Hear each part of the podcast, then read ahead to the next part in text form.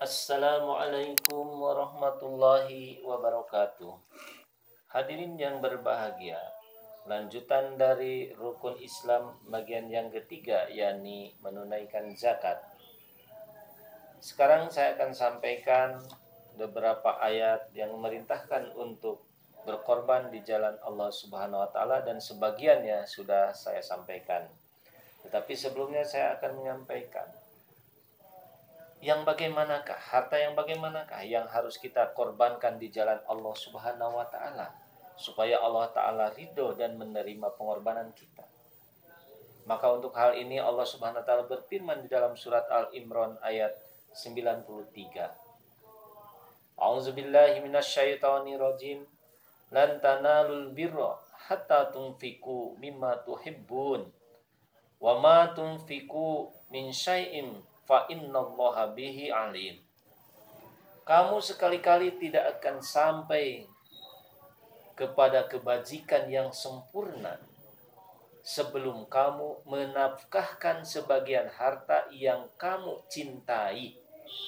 Dan apa saja yang kamu nafkahkan, maka sesungguhnya Allah Maha mengetahui. Jadi, ketika kita berkorban itu harus yang terbaik harus yang terpilih yang betul-betul kita sangat mencintainya. Di zaman ini Bapak-bapak, Ibu-ibu yang paling disukai, yang paling dicintai dan yang ingin semua orang memilikinya adalah duit, adalah uang. Itu yang paling dominan. Karena mereka mengatakan segala sesuatu harus dengan uang. Ya, kita harus menambahkan memang segala sesuatu pakai dengan uang tapi uang tidak bisa memenuhi segala sesuatu. Jadi terbataslah kegunaannya. Karena yang maha mencukupi itu hanya Allah subhanahu wa ta'ala. Jadi kenapa sekarang pengorbanan selalu digembor-gemborkan seperti itu? Ya karena kita sekarang dengan kasih sayang Allah Ta'ala melalui halipahnya di zaman sekarang ini supaya manusia tidak terjerumus kepada yang namanya syirik khafi, syirik yang tersembunyi. Kalau syirik zahir mungkin mudah kita uh, memberantasnya karena kelihatan apa yang mereka sembah, mungkin kayu, mungkin batu dan sebagainya. Tetapi yang namanya sirik hofi ini sangat latif, sangat halus sekali, tersembunyi. Yang namanya juga hofi artinya adalah tersembunyi. Nah jadi salah satu mencintai harta, mencintai uang berlebihan atau apa pun harta dunia yang dicintai secara berlebihan, maka kita terjerumus ke dalam syirik hofi. Sedangkan syirik hukumnya adalah dosa besar. Al-kabairul isrok jadi dosa besar yang sulit sekali diampuni oleh Allah Subhanahu wa taala. Makanya saya katakan bahwa pengorbanan harta ini adalah merupakan kasih sayang Allah terhadap umatnya terhadap kita melalui halipahnya halipahnya melaksanakan surat At-Taubah ayat 103 yang kemarin khud min amwalikum. Jadi kita akan diambil harta kita akan diambil oleh khalifah ini dan beliaulah yang sangat berhak dan tentunya sekarang sudah mewakilkan kepada pengurus-pengurusnya di sampai di tingkat cabang. Kemudian hadirin yang berbahagia, jemaat Ahmadiyah melaksanakan pengorbanan-pengorbanan ini bukan tidak ada dasar seperti sudah saya sampaikan beberapa ayat sebelumnya. Kemudian dalam kesempatan ini saya pun akan menyampaikan beberapa ayat. Mungkin ada yang saya bacakan uh, Arabnya ya, ayatnya, tapi ada yang hanya artinya saja karena menyesuaikan dengan waktu. Allah Subhanahu wa taala berfirman di dalam surat Al-Baqarah ayat keempat. A'udzubillahi minasyaitonirrajim. Alladzina yu'minuna bil ghaibi wa yuqimuna sholata wa mimma razaqnahum yunfikun. Yaitu mereka yang beriman kepada yang gaib, yang mendirikan sholat dan menafkahkan, menginfakkan sebagian rezekinya yang kami anugerahkan kepada mereka. Kemudian yang kedua di dalam surat Al-Baqarah ayat 196. Wa anfiqu fi sabilillah wa la tulqu bi aidikum ila tahlukah. Wa ahsinu innallaha yuhibbul muhsinin. dan belanjakanlah harta bendamu di jalan Allah dan janganlah kamu menjatuhkan dirimu sendiri ke dalam kebinasaan dan berbuat baiklah karena sesungguhnya Allah menyukai orang-orang yang berbuat baik. Jadi harus ingat hati-hati Bapak-bapak, Ibu-ibu ya bahwa pengorbanan itu merupakan penyelamat untuk kita. Dan kalau kita tidak melakukannya, kita tidak memberikan infak, sedekah atau zakat, pengorbanan di dalam jemaat ini yakni kepada Allah Subhanahu wa taala sama saja kita dengan menjatuhkan diri sendiri ke dalam kebinasaan. Mungkin Allah taala akan menggerakkan para pencuri, mungkin Allah taala akan menggoyangkan bumi terjadi gempa, mungkin akan menggerakkan air untuk menjadi suami, menggilas semua apa yang kita sudah usahakan. Banyak contoh. Mudah-mudahan kita terselamatkan dari hal-hal yang seperti itu. Oleh karena itu, perbanyaklah kita bersedekah, berinfak yang sudah ada wadahnya di dalam jemaat ini. Mudah-mudahan kita selamat. Amin. Kemudian di dalam surat Muhammad ayat 39. Ha antum haula'i tud'auna litunfiku fi sabilillah. Faminkum may yabkhal wa may yabkhal fa inna ma yabkhalu an nafsi. Wallahu ghaniyyu wa antumul fuqara. Wa in tatawallau yastabdil kauman goerokum thumma la yakunu amsalakum. Ingatlah, kamu ini orang-orang yang diajak untuk berinfak, menginfakkan hartamu pada jalan Allah. Maka di antara kamu ada yang kikir, dan siapa yang kikir yang pelit, sesungguhnya dia hanyalah kikir pelit terhadap dirinya sendiri.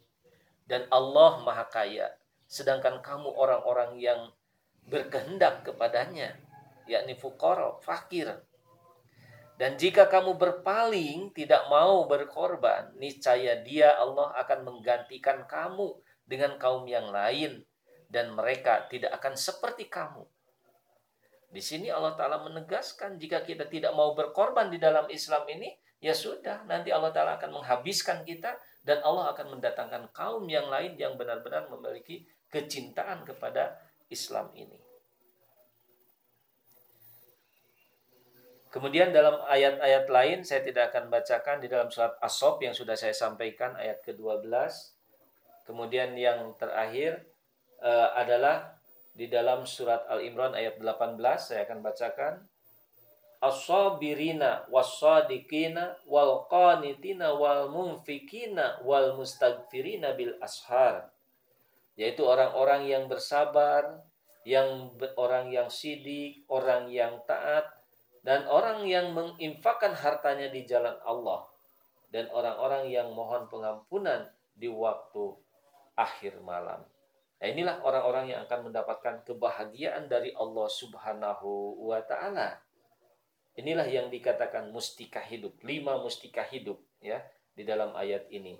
Bahwa orang ini akan mendapatkan kehidupan yang bahagia jika dia menjadi orang yang sabar, menjadi orang yang sidik, menjadi orang yang taat dan selalu membelanjakan hartanya di jalan Allah Subhanahu wa taala, kemudian selalu mohon pengampunan di waktu sahur, waktu uh, akhir malam. Selanjutnya hadirin yang berbahagia. Seberapa banyak yang harus kita lakukan? Yang harus kita keluarkan maka Allah Subhanahu wa taala melalui Hazrat Imam Mahdi alaihissalam telah memberikan bibit-bibit unggul di dalam hal menanam menjadi petani kerohanian ini. Ya. Jadi kita ini sebagai petani karena Hazrat Imam Mahdi sendiri mendapatkan gelar Al-Haris. Al-Haris artinya adalah petani, petani rohani. Kita adalah orang-orang yang sudah ikut kepada Hazrat Imam Mahdi, sudah beat kepada Hazrat Imam Mahdi, kita pun menjadi petani-petani. Maka marilah kita menjadi petani-petani yang handal. Yang tentunya menjadi petani yang handal mengikuti apa yang dicontohkan oleh Hadrat Imam Mahdi alaihissalam. Yang tentunya beliau adalah dari Nabi Muhammad, dari Allah subhanahu wa ta'ala. Nah beliau memberikan bibit-bibit unggul untuk kita tanam, untuk kita tani. Di dalam jemaat ini. Zakat sudah jelas ukurannya. Nah untuk infak-infak yang lainnya ini ada aturan-aturan yang tentunya ini pun dari Allah Subhanahu wa taala melalui Hadrat Imam Mahdi salam. Bibit unggul yang boleh kita pilih ini yang paling nomor satu adalah sepertiga dari penghasilan. Yang nomor dua adalah seperlima dari penghasilan. Yang nomor tiga adalah seper sepuluh dari penghasilan. Nah untuk bertani dengan bibit-bibit unggul yang tiga ini, kita harus benar-benar mendapatkan persetujuan dari hujur. Kita tidak bisa sembarangan untuk melakukan yang tiga ini, sepertiga, seperlima, sepersepuluh. Apakah hujur nanti akan uh, memberikan izin atau tidak kepada kita untuk mengikuti uh, berjuang kita dengan al-wasiat namanya ini. Karena Islam tidak akan memaksakan. Orang yang berwasiat tentu harus ada yang diwasiatkannya. Ini bersyarat. Jadi bagi orang-orang yang berpenghasilan minimal satu juta setengah, barulah bisa diikutkan di sini. Dan yang paling pokok ketika kita mengikuti silsilah al-wasiat ini sebenarnya bukan masalah jumlahnya ini, tapi ingin hujur itu supaya kita anggota jemaat Ahmadiyah ini memiliki akhlak yang baik, akhlakul karimah yang dicontohkan oleh junjungan kita Nabi besar Muhammad Shallallahu Alaihi Wasallam. Itulah yang menjadi syarat untuk masuk di dalam silsilah al-wasiat ini. Dan hujur sangat menganjurkan karena inilah namanya pengorbanan. Inilah para pahlawan, para pejuang sehingga hujur pun menyiapkan dan itu adalah dasar dari wahyu Allah Subhanahu wa taala kepada Hajat Imam Mahdi bagi orang-orang yang mau berjuang berjihad dengan hartanya mulai dari sepersepuluh sampai sepertiga ini ada kuburan khususnya itu yang disebut bahisti makbaroh jadi di sini harus hati-hati mencantumkan penghasilan kita jangan asal ingin mendapatkan nomor nanti akan kesulitan dan itu akan menjadi hutang kalau kita tidak mampu untuk ini, bagaimana? Ada jalan keluarnya, yaitu bibit unggul yang keempat, yaitu seper enam belas. Nah, belajarlah di situ. Belajar yang membawa hikmah. Artinya di situ sesuai dengan kemampuan kita hanya bisa bayar seper enam belas, nggak apa-apa. Allah Subhanahu wa taala akan menerima yang penting kita ikhlas di dalam memberikannya itu. Barengi dengan keikhlasan. Niat hanya untuk mencari ridho Allah Subhanahu wa ta'ala. Jalani dulu yang seper 16 dari setiap penghasilan kita ini.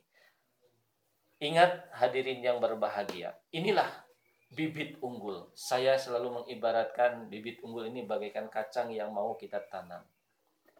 Banyak masalahnya orang-orang yang mengeluh, Pak Nasir saya sudah berkorban nih. Sepersepuluh bahkan. Yang seper 16 saya sudah seper 16. Tapi kok hidup saya begini-begini saja. Nah ini sebenarnya tidak boleh terucap karena kita berkorban kepada Allah Ta'ala untuk mencari ridho Allah Ta'ala. Urusan pahala nanti melipat gandakan itu urusan Allah Ta'ala. Urusan kita ini adalah kewajiban kita sudah benar enggak. Artinya introspeksi kepada diri kita sendiri. Apakah bibit unggul itu tidak dipotong dulu? Kita mau nanam bibit kacang tadi, karena kita lapar, dipotong dulu tuh bibit kacang, kemudian ditanam sepotong, sepotong dimakan, dia tidak akan tumbuh. Tidak akan mendatangkan ketenangan ke dalam jiwa kita. Ini harus hati-hati. Makanya ketika seorang bertanya kepada Pak Amir, Pak Amir bagaimana sih cara menghitung canda? Beliau menjawab, hitunglah dengan ketakwaan. Artinya dengan rasa takut kepada Allah Ta'ala. Kita kan bersahadat, bersaksi bahwa tiada Tuhan selain Allah. Allah selalu menyaksikan kita di mana pun kita berada seberapapun yang bapak-bapak, ibu-ibu serahkan pada jemaat jemaat ini yang dengan dasar seper 16, yang dengan dasar seper 10, ingat Allah Ta'ala maha tahu berapa, benarkah perhitungan bapak-bapak dalam menyerahkan pengorbanan ini pada jemaat. Jadi kalau merasa begini-begini terus di dalam jemaat, maka introspeksi dirilah, muhasabalah ke dalam diri kita, mungkin kacang yang mau ditanam ini ada yang motong atau terpotong oleh kita karena kita merasa sayang. Nah, jangan seperti itu. Tanamkan keyakinan dalam diri kita berapapun yang sesuai tentunya dengan perhitungan uh, Allah Subhanahu wa taala di dalam ukuran berkorban ini, insya Allah jangan takut. Allah akan melipat gandakannya. Terakhir, Bapak-bapak, Ibu-ibu, marilah kita simak dan kita renungkan tentang uh, pengorbanan harta ini tentang zakat ini dari sabda Hadrat Imam Mahdi alaihissalam yang disampaikan di dalam khutbah Jalsa Salana tahun 1906. Beliau bersabda, bentuk lain dari ibadah adalah membayar zakat. Ada orang-orang yang tidak memperdulikan apakah uang yang mereka bayarkan sebagai zakat itu diperoleh secara halal ataupun tidak.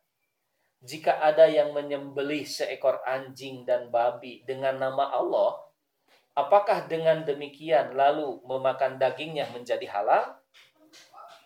Sesuatu yang haram tetap saja akan menjadi haram dalam keadaan apa pun. Akar kata dari zakat adalah pensucian.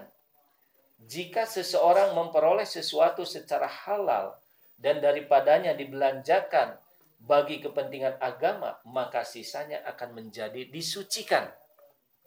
Banyak sekali manusia yang masih salah mengartikan dan tidak memahami hakikatnya.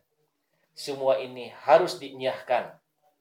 Semua ketentuan pengaturan dalam agama Islam bertujuan sebagai sarana keselamatan. Hanya saja karena kekeliruan, lalu banyak manusia yang tersesat. Janganlah ada yang berbangga hati atas amalannya sendiri.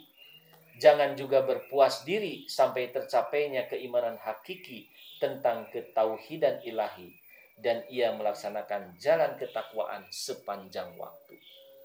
Hadirin yang berbahagia, mudah-mudahan nasihat ini dicamkan oleh kita dan diamalkan oleh oleh kita sehingga kita benar-benar melaksanakan pengorbanan ini atas dasar keridoan, atas dasar ketakwaan kepada Allah Subhanahu wa taala sehingga Allah ridho kepada kita. Amin Allahumma amin. Wabillahi taufiq wal hidayah. Wassalamualaikum warahmatullahi wabarakatuh.